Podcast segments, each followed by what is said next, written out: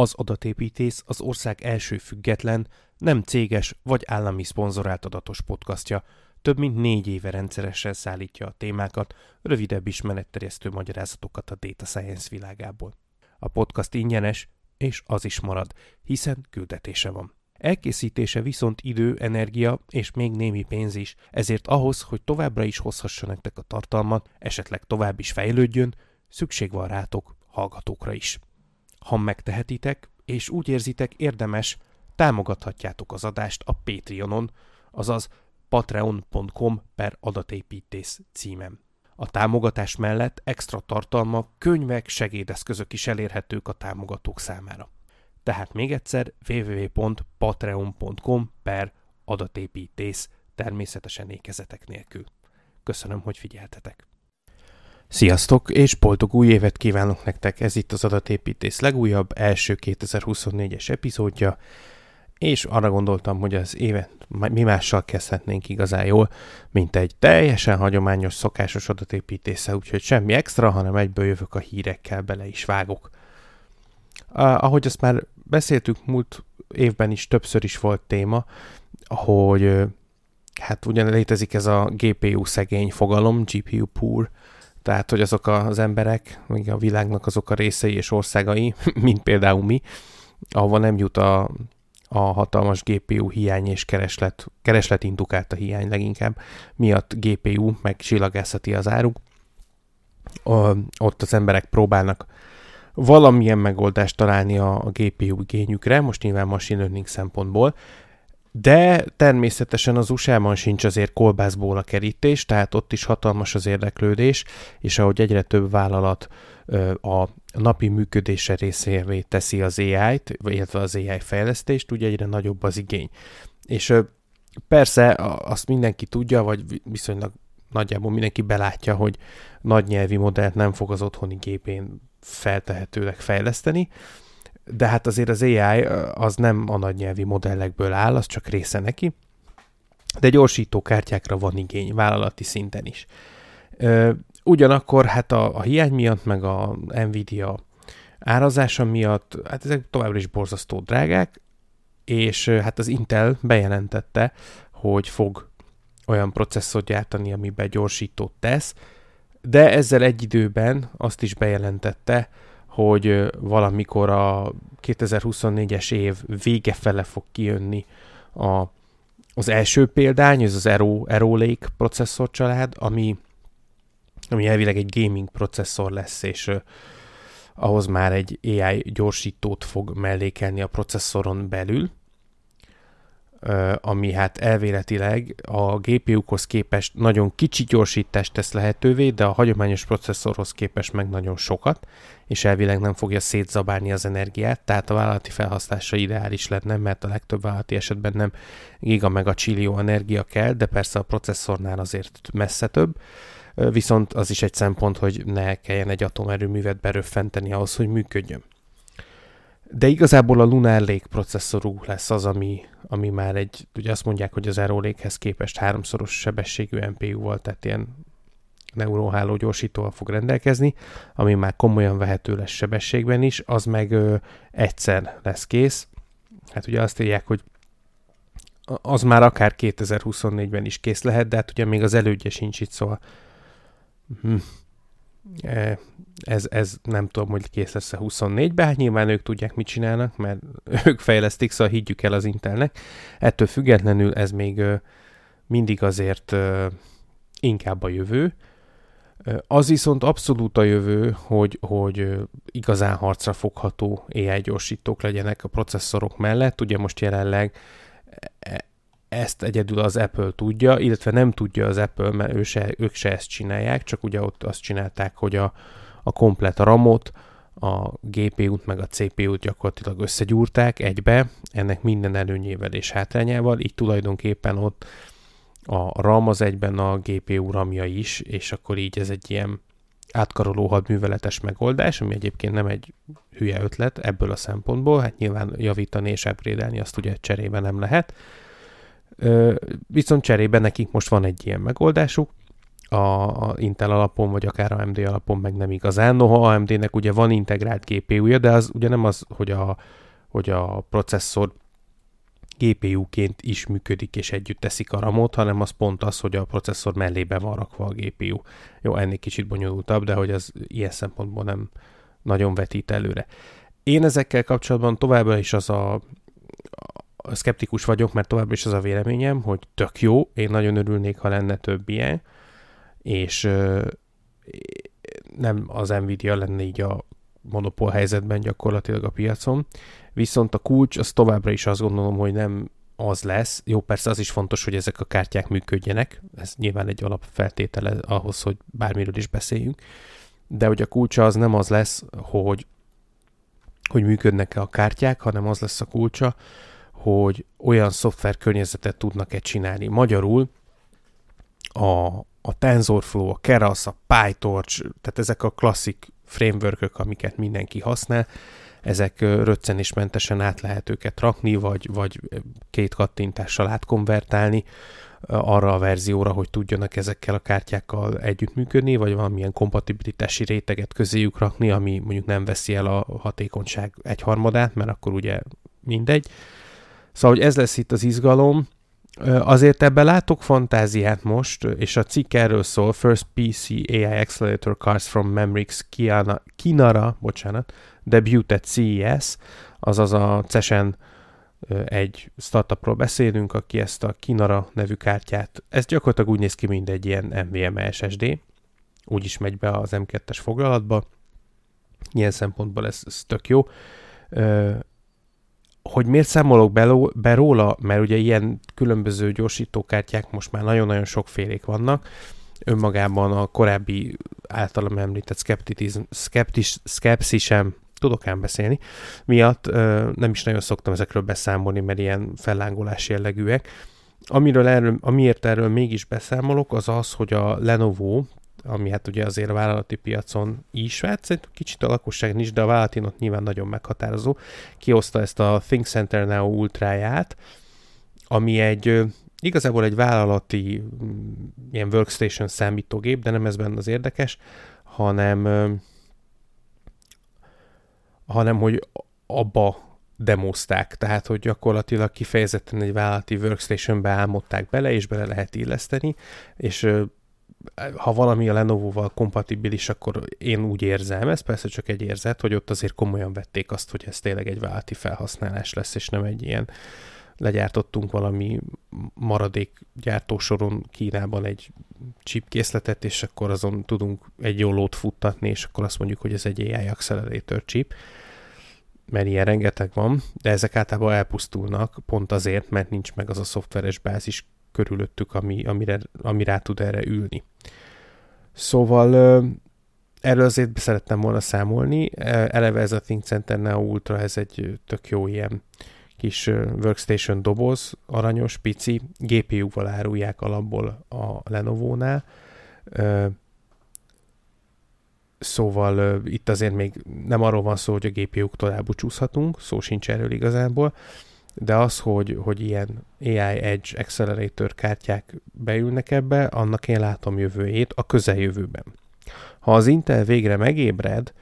és elkezd a processzorai mellé valami fajta koprocesszort gyártani, mégpedig úgy, hogy egy stabil, megbízható, hosszú távon kompatibilis szoftverrendszert is mellé rak, mert ugye az Intel már gyártott különböző gyorsító pendrive-okat, meg processzorokat, de azok egy-két évig voltak támogatva szoftveresen, nyilván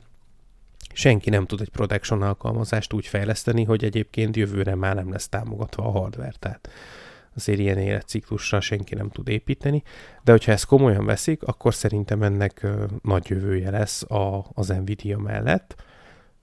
főleg a vállalati szektorban, Persze lehet, hogy a lakosságiban is, azt nem tudom, de a vállalatiban biztos. Viszont amíg ez nem történik meg, és hát azért processzort tervezni nehéz, és nagyon előre kell készülni, főleg a mai technológiánál, ami már elképesztő finomságú és brutális beruházás igényű. Ezért gondolom, hogy azért nem tudnak olyan gyorsan reagálni az Intelnél, ezért én nem is gondolom, hogy idén, vagy akár jövőre is egy igazán érdemi ilyen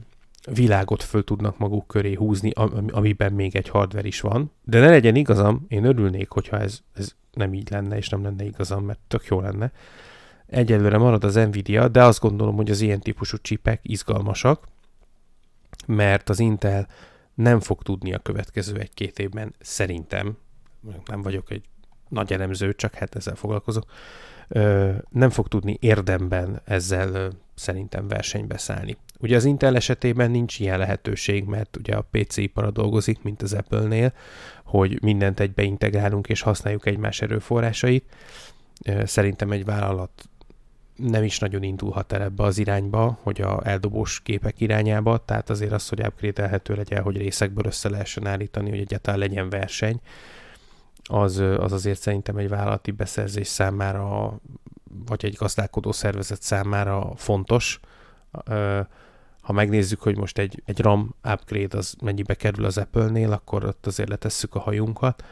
Ami nyilván azért van, mert ugye az ő esetükben, ami az előny a hátrány, tehát a RAM upgrade az egyben gyakorlatilag kis túlzással egy alaplapcserét jelent. Ugye megy vele minden, nyilván ezért drága, de hát a nap végén akkor is csak egy RAM upgrade, szóval hát igen,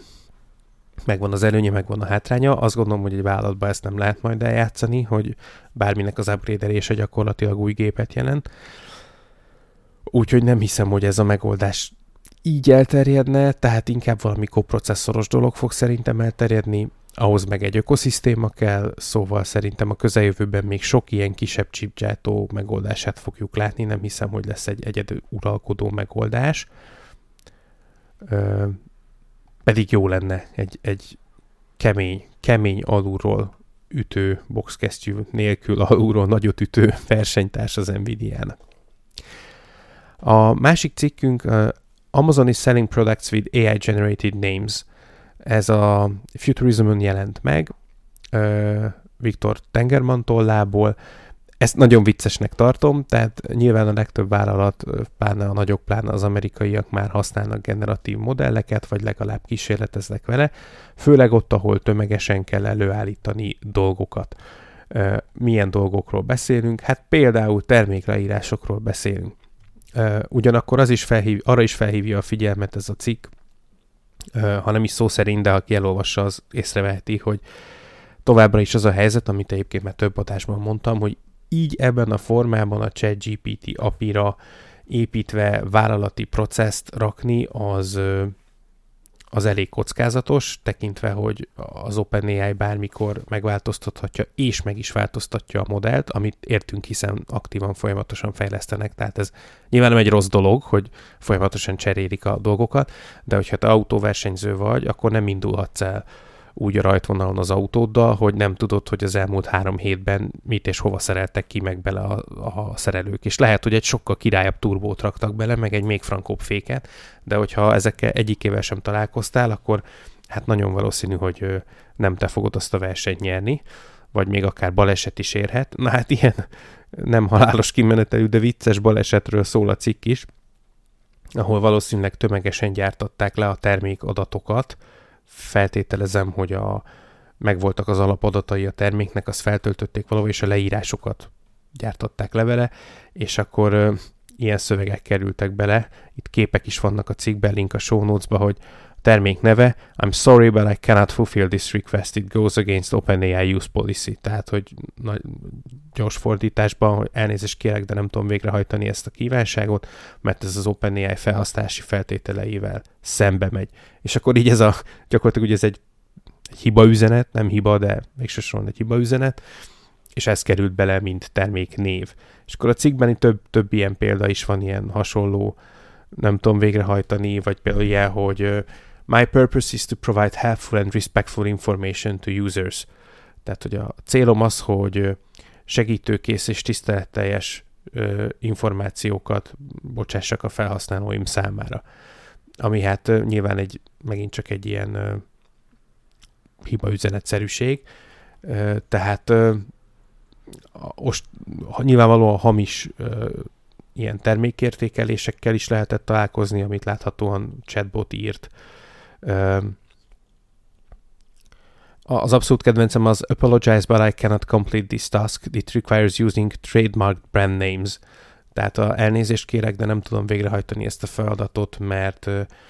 jogvédett márkanevek szerepelnek a, a kérésben, vagy ahhoz, hogy végrehajtsam jogvédett márkaneveket kéne használnom. Tehát, és nyilvánvalóan, amikor egy Amazonról beszélünk, nem is tudom, több ezer, több száz, talán több millió termék van belistázva, ember ezt igazából nem is tudja átlátni. Ö, ott ezek el fognak tűnni, lesznek, akik megveszik, tehát van ott helye a csalóknak, és termékleírásban is találni ilyen nagyon vicceseket, hogy visszaírta a ChatGPT a promptot, tehát úgy néz ki a termékleírás, hogy our, és akkor ott vagy product can be used for a variety of tasks, such as task 1, task 2, tehát hogy a termékünk, és ugye a termék ilyen szögletes zárójelben van, ugye, hogy ide kell behelyettesíteni a termék nevet, csak nem helyettesítette be. Számos módon használható, például módszer 1, módszer 2 és módszer 3. szóval amikor a régi, már ez ma is előfordul, ilyen hírleveles időkben úgy szólított meg, hogy kedves keresztnév, na ehhez hasonlókat, és ezzel most tele van az Amazon. Tehát látjuk azt, hogy bár nagy erőkkel használják a, a ChatGPT-t és társaikat, nyilván nem tudom biztosra, hogy ezt ChatGPT készítette, lehet, hogy a, a Bing-el csinálták, vagy lehet, hogy másik hasonló elelemmel, de mivel itt a legtöbb helyen azért az OpenAI-ra, szabályzataira hivatkozik a, a hibásan megírt szöveg, ezért azért valószínűnek tartom, hogy ez, ez mind, vagy majdnem mind ChatGPT, mert ugye az az OpenAI de lehet, hogy van köztünk más is, mindegy is. Szóval egyrészt szerintem rettentően vicces, hogy ez a termék nem vagy elnézés, nem tudom végrehajtani ezt a parancsot. Másrészt azért felhívja arra a figyelmet, hogy az eszetlen tömeges használat az, hát az nem lesz célra vezető. Tehát azért ez így ebben a formában nem fog működni. Csillag-csillag, mert tudjuk, hogy az ilyen scammerek, meg az ilyen fake termékeket sajnos hiszékeny emberek sokszor rákattintanak, megveszik, szóval az, hogy nem fog működni, azt inkább úgy kéne mondanom, hogy egy tisztességes vállalati működésben nem fog működni, hát az ilyen scammerek esetében tartok tőle, hogy egyébként fog. De hát ez egy másik kérdés. Harmadik témánk uh, Silke Han és Gary Sticks tollából a Scientific American-en jelent meg, How to Keep AI from Stealing the Sound of Your Voice. Ez arról szól, hogy mit tehetünk mi, és akkor most lelem a poént, nem sokat, azért, hogy ne lopják el a hangunk. Ugye ma már a hanggenerálás ott tart, hogy valakinek a hangját klónozni nagyon kevés hang mintából is lehetséges, tehát nincs szükség arra, hogy 8 órát szépen egy stúdióban felolvassál szövegeket, hanem pár perc, akár néhány másodperc, de néhány perc olvasás után már, már biztos, hogy le lehet egy olyan minőségben másolni az ember hangját, hogy az mondjuk kb. hihető legyen egy telefonvonal túloldaláról valaki számára. És ez nyilvánvalóan nagyon nagy problémát jelent olyan emberek esetében, akik hát fontos emberek, mondjuk egy, egy miniszterelnök, vagy egy nem tudom, egy amerikai elnök, tök mindegy, hiszen ha az ő hangjával elhangzik valaki, valami egy hírműsorban, és az mondjuk hazugság, akkor persze utána kijönnek azok a hírek is idővel általában, hogy ez hazugság volt, de mindannyian tudjuk, hogy a, a valós hírek terjedése az töredéke a, a hamis hírek. Tehát, hogy ezért hat, ez hatalmas bajt tud generálni. Tehát most mit tudom én, kijönne egy ilyen rádióhír, vagy akár az interneten elterjedne egy ilyen mindegy, egy TikTok videóba, vagy a YouTube-on teljesen mindegy, Facebookon egy hangfelvétel, most mondok valamit, mondjuk Orbán Viktorról, hogy van mondjuk tegyük fel az a sztori, hogy egy, egy mit tudom én, egy belső ilyen, nem tudom, védelmi intézkedő, ilyen értekezleten azt mondja, hogy fel kell készítenünk a magyar hadsereget, mert meg fognak minket támadni az oroszok hülyeség, persze, de biztos vagyok benne, hogyha egy ilyen ö, kikerülne, hiába jönne ki utána a cáfolat, hogy sosem mondott ilyet, hamis a felvétel, stb. stb. Hol biztos, hogy egy olyan vásárlási pánik lenne a boltoknál, hogy ihajtyuhaj. És egymást ölnék az emberek a ezek konzervekért, az, az tuti. Szóval el lehet képzelni, hogy ez mekkora gond, de nem, úgymond nem fontos embereknél is, például az én esetemben is, vagy bárki esetében, mondjuk én ugye különösen jó célpont vagyok a podcast miatt, mondjuk borzasztó mennyiségű hangagyagot adok, de, de még egy akármilyen ember esetében is fenn van egy videó a Youtube-on, két-három perces videóból fenn van tíz, családi videó, mit tudom én, boldog szüli napot, értitek, le lehet klónozni a hangot, utána ez a hang felhívja a nagymamátokat, nagypapátokat, és azt mondja, hogy most utalnod kéne nekem nagymama, nagypapa, légy szíves, mert bank, meg biztonság, meg csalók vannak, és majd én megvédelek, csak segíts, add meg a kódodot, és akkor meg fogjuk oldani. Tízből kilencen meg fogják adni,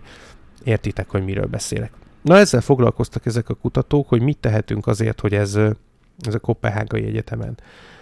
készítették, illetve ott volt az a konferencia, amire kész, bocsánat, ott volt a konferencia, amire készült a publikáció, de egyébként a Washington University, ami amúgy St. Louisban van, én se értem, hagyjuk is, valószínűleg itt ugye a Washington tábornokról nevezték el, nem a helyről,